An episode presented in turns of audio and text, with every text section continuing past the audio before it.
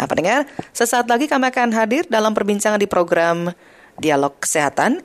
Anda bisa berinteraksi bersama dengan narasumber kami seputar topik yang akan kami bahas pagi ini. Jadi saya akan ajak Anda untuk bicara tentang masalah kesehatan tentu saja. Nanti kita bahas seputar bagaimana pemanfaatan bahan alam untuk keamanan pangan bersama dengan narasumber kami dari Departemen Kimia Kedokteran Fakultas Kedokteran Universitas Indonesia. Kilas Berita. Kilas Berita.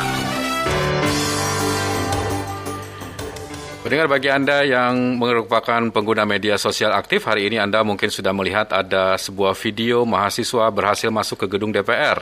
Setelah ditelisik, video tersebut bukan merupakan video mahasiswa yang memasuki gedung DPR RI, tetapi video tersebut merupakan video mahasiswa Universitas Islam Riau yang memasuki gedung DPD Riau pada 10 September 2018 lalu. Informasi lengkap mengenai hal ini Anda bisa baca di rri.co.id. Kilas Berita. Pro 3, Jaringan Berita Nasional. Indonesia Menyapa Pagi terus berlanjut. Dialog Kesehatan bersama dengan kerjasama Fakultas Kedokteran Universitas Indonesia dan Radio Republik Indonesia. Pagi ini saya akan ajak Anda untuk bisa bahas tentang pemanfaatan bahan alam untuk keamanan pangan. Eh, ini menjadi penting untuk kita pahami bersama supaya kita bisa betul-betul memilih bahan pangan yang aman untuk kita konsumsi dan baik untuk kesehatan kita bersama. Untuk membahas topik ini, saya akan berbincang bersama dengan narasumber kami yakni eh, Bapak Aryo Tejo SSI MSI dari Departemen Kimia Kedokteran Fakultas Kedokteran Universitas Indonesia. Dialog Kesehatan. Pak Aryo Tejo, apa kabar? Salam sehat, Pak. Pak Aryo Tejo, salam sehat. Ya, selamat pagi. Ya, kabar baik. Baik, Pak Aryo Tejo, ini kita bicara soal pemanfaatan bahan alam untuk keamanan pangan. Kalau nenek moyang kita dulu semuanya menggunakan bahan alam ya, tidak seperti kita sekarang yang mungkin juga udah mulai ada unsur-unsur tambahan bahkan unsur-unsur kimia. Seperti apa sih sebenarnya pemanfaatan bahan alam untuk keamanan pangan ini, Pak Aryo Tejo? Iya, baik uh, dengan Mbak Esti ya. Betul, dengan Esti. Ya, eh belum kenalan ya tadi ya? baik, silakan Pak Aryo Tejo. Ya baik uh, Mbak Esti ya. Uh, jadi memang seperti yang tadi telah disampaikan, uh, orang-orang tua kita dulu memang biasa menggunakan bahan tambahan ya untuk pangan ya yang bersumber dari alam. Jadi misalkan kalau untuk memberi warna gitu ya, misalkan kalau kuning ya dengan apa bahan alam yang berwarna kuning seperti kunyit gitu kan. Kalau mau warna hijau ya dengan daun pandan dan seterusnya gitu ya. Uh, jadi memang uh, yang sekarang ini dengan perkembangan teknologi gitu ya uh, banyak sekali bahan-bahan tambahan yang ditambahkan ke dalam pangan tapi belum tentu aman. Uh, tapi memang konteksnya dari sini uh, yang saya akan uh, angkat sebetulnya adalah bagaimana kita memanfaatkan bahan alam atau bahan yang bisa kita peroleh ya dari sekitar kita ini untuk mendeteksi uh, bahan beberapa bahan tambahan yang berbahaya tersebut sebenarnya. Oke. Okay. Uh, Baik. Tapi mungkin entry-nya mulai dari ini dulu ya, uh, dokter ya. Jadi bahan alam itu supaya kita bisa aman ketika mengkonsumsi pangan, mendeteksi tadi, maka sebenarnya apa saja yang kita bisa manfaatkan dari alam ini? Iya baik ya. Tadi seperti yang sudah saya sampaikan ya. Jadi kalau untuk pewarna ya uh, biasanya kita menggunakan uh, apa uh, pewarna yang dari makanan ya, yang biasanya mengandung zat warna ya seperti tadi warna kuning dari kunyit, mungkin nanti warna merah atau ungu ya dari apa uh, zat yang apa tak, bahan yang mengandung antosianin gitu ya. Nah, atau tadi misalkan kalau mau warna hijau bisa dari apa daun pandan gitu ya. Hmm. Atau misalkan untuk uh, apa pengawet gitu ya. Nah untuk pengawet biasanya sih uh, orang tua kita dulu menggunakan misalkan apa uh, diasinkan gitu ya atau diasamkan gitu ya. Hmm. Nah itu contoh-contoh yang bisa kita apa lakukan. Baik. Nah, uh, tadi terkait uh, dengan apa saja sebenarnya bahan-bahan alam yang bisa kita manfaatkan untuk mendeteksi, mengidentifikasi bahan-bahan yang sebenarnya bahaya untuk kita konsumsi, seperti apa Pak Aryo? Ya, baik. Ya seperti kita ketahui ya ini sudah jadi pengetahuan umum ya sering kali makanan yang kita beli ya makanan jadi tentunya hmm. itu mengandung beberapa bahan tambahan pangan yang tidak diperbolehkan ada di dalam makanan ya. Nah, contohnya seperti boraks, formalin, ya atau misalkan uh, pemutih ya, uh, misalkan kalau untuk supaya tampilan uh, bagus gitu ya, warnanya putih seperti untuk uh, apa beras gitu ya hmm. atau misalkan yang sekarang lagi mungkin uh, lagi apa lagi orang banyak cari gitu ya untuk buka puasa ya, seperti nata de coco nah, itu biasanya menggunakan bahan pemutih hmm. nah itu bahan-bahan yang memang tidak boleh gitu ya uh, ditambahkan ke dalam makanan tapi ya karena dia mudah didapat kemudian murah nah ini sering kali produsen makanan itu suka menambahkan bahan-bahan tersebut oke okay. Jadi sebenarnya kita bisa ngecek sendiri nggak sih Pak Aryo kalau misalnya kita membeli sesuatu ini ada kandungan berbahayanya atau tidak? Ya baik. Ya jadi seperti apa yang tadi saya sampaikan, hmm. ya, kita bisa memanfaatkan bahan-bahan yang ada di sekitar kita. Contoh misalkan ya kalau untuk borak ya, untuk borak, nah borak ini dia bisa bereaksi dengan kunyit atau kurkumin kandungan aktifnya. Hmm. Jadi secara sederhana misalkan ya, misalkan kita punya kunyit di rumah, kunyitnya kita mungkin kita apa, kita potong-potong atau kita parut gitu ya. Kemudian airnya kita ambil, kemudian kita bisa rendam ya, kita rendam uh, tusuk gigi misalkan ya, tusuk gigi kita rendam ke dalam uh, air kunyit itu. Nah, kemudian misalkan ada bahan yang kita curigai dia mengandung borak, hmm. kita bisa tusuk gitu ya, langsung ke makanannya, tusuk giginya. Maka kalau misalkan nanti ada warna uh, merah kecoklatan, Nah, maka itu menandakan adanya borak. Hmm. Nah, kalau untuk formalin kita bisa memanfaatkan buah merah. Uh, apa maaf bukan buah merah, apa buah naga, maaf ya. Buah naga itu kan punya kulit ya, kulitnya itu kan berwarna merah. Yeah.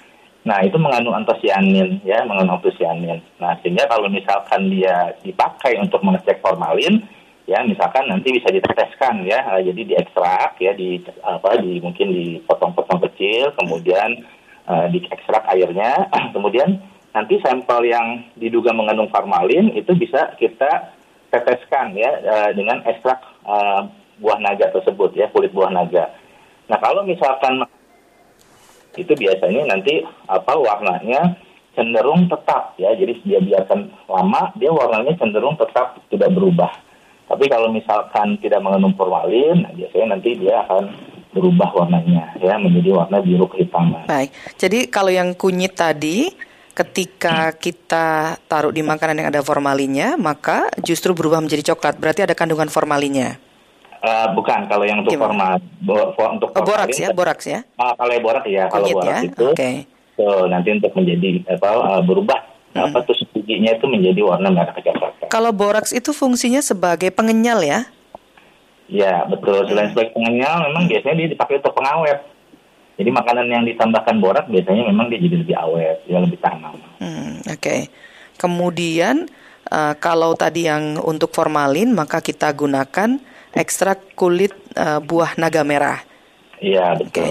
Terus uh, apalagi yang kita bisa gunakan ini Pak Aryo Tejo? Sekaligus saya juga bikin catatan kecil nanti saya akan praktekkan ini karena katanya kalau beli alatnya kan mahal sampai berapa juta gitu kan untuk deteksi ini berbahaya atau tidak. Kalau ini kan kita bisa lakukan di rumah. Betul betul hmm. ya. Nah selain tadi borak dan formalin juga kita bisa lakukan apa uji untuk klorin ya. Hmm. Kita uh, harus membeli ya harus mem ada bahan yang harus kita beli mm-hmm. karena klorin itu dia nanti uh, kita reaksikan dulu ya dengan kalium iodida. Nah kalium iodida ini memang kita harus beli ya harus beli di toko bahan kimia gitu ya. Nah tapi kemudian nanti uh, apa untuk mendeteksinya kita bisa menggunakan uh, apa namanya kanji ya larutan kanji.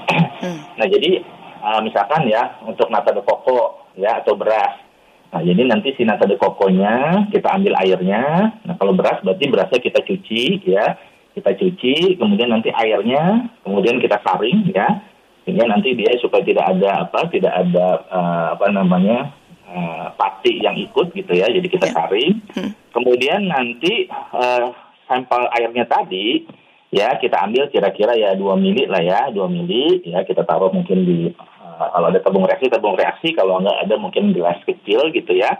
Nah kemudian kita tambahkan dengan larutan KI ya atau kalium iodida. Nah nanti kita biarkan bereaksi ya uh, mungkin ya mungkin sekitar maksimal 5 menit gitu ya. Kemudian kita bisa nambahkan larutan amilum satu persen. Nah amilum satu persen ini atau larutan kanji ini kan bisa kita buat sendiri ya. Nah cara membuat kita dari singkong ya, dari singkong kita parut, kemudian kita peras, atau kita rendam di air, kemudian airnya kita ambil gitu ya, kemudian kita buang airnya ya. Nah nanti sisa ampasnya itu dibiarkan aja kering. Nah ketika kering, nah itu menghasilkan uh, tepung kanji ya atau amilum. Hmm. Nah nanti bisa kita gunakan dengan cara misalkan kita ambil satu gram, kemudian kita uh, tambahkan 100 ml air. Nah, itu jadi kandungannya sekitar satu persen. Nah itu Oke. nanti yang akan kita teteskan ya. Tadi setelah ada apa air beras atau air kata de koko yang kita tambahkan KI, kemudian nanti dia akan menghasilkan senyawa I2 ya, unsur I2 atau iodin. Nah ini nanti kalau ditambahkan amilum maka dia akan berubah menjadi uh, warna uh, biru kehitaman. Ya. Itu tanda bahwa ada klorin. Jadi saya sambil membayangkan saya pakai baju praktek putih ini seperti sedang di laboratorium. Iya.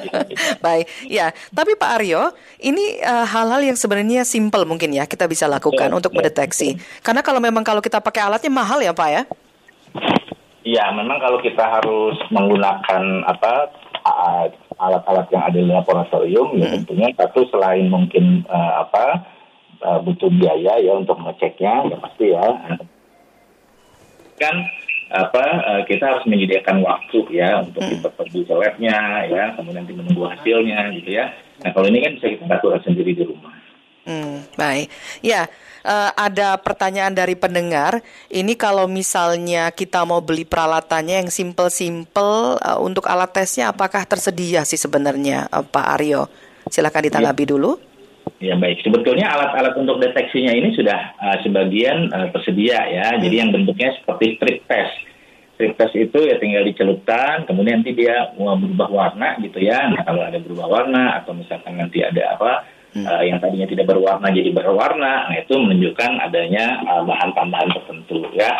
Nah, itu memang sudah dijual ya, dijual itu bisa di apa di toko-toko online gitu ya. Itu sudah tersedia. Misalkan nanti kita toko online ketik aja untuk uh, strip test atau alat deteksi eh, bukan alat ya strip test deteksi borak, formalin Hmm. atau klorin itu memang uh, sudah ada juga yang tersedia.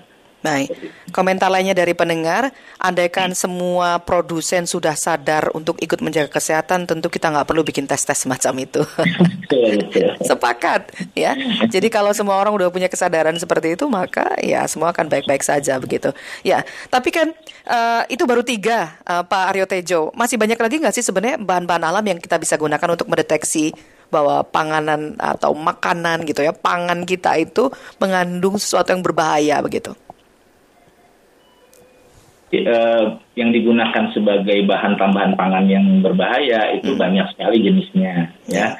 Tapi memang ya kalau eh, untuk deteksinya memang sebagian besar itu harus dilakukan di laboratorium ya.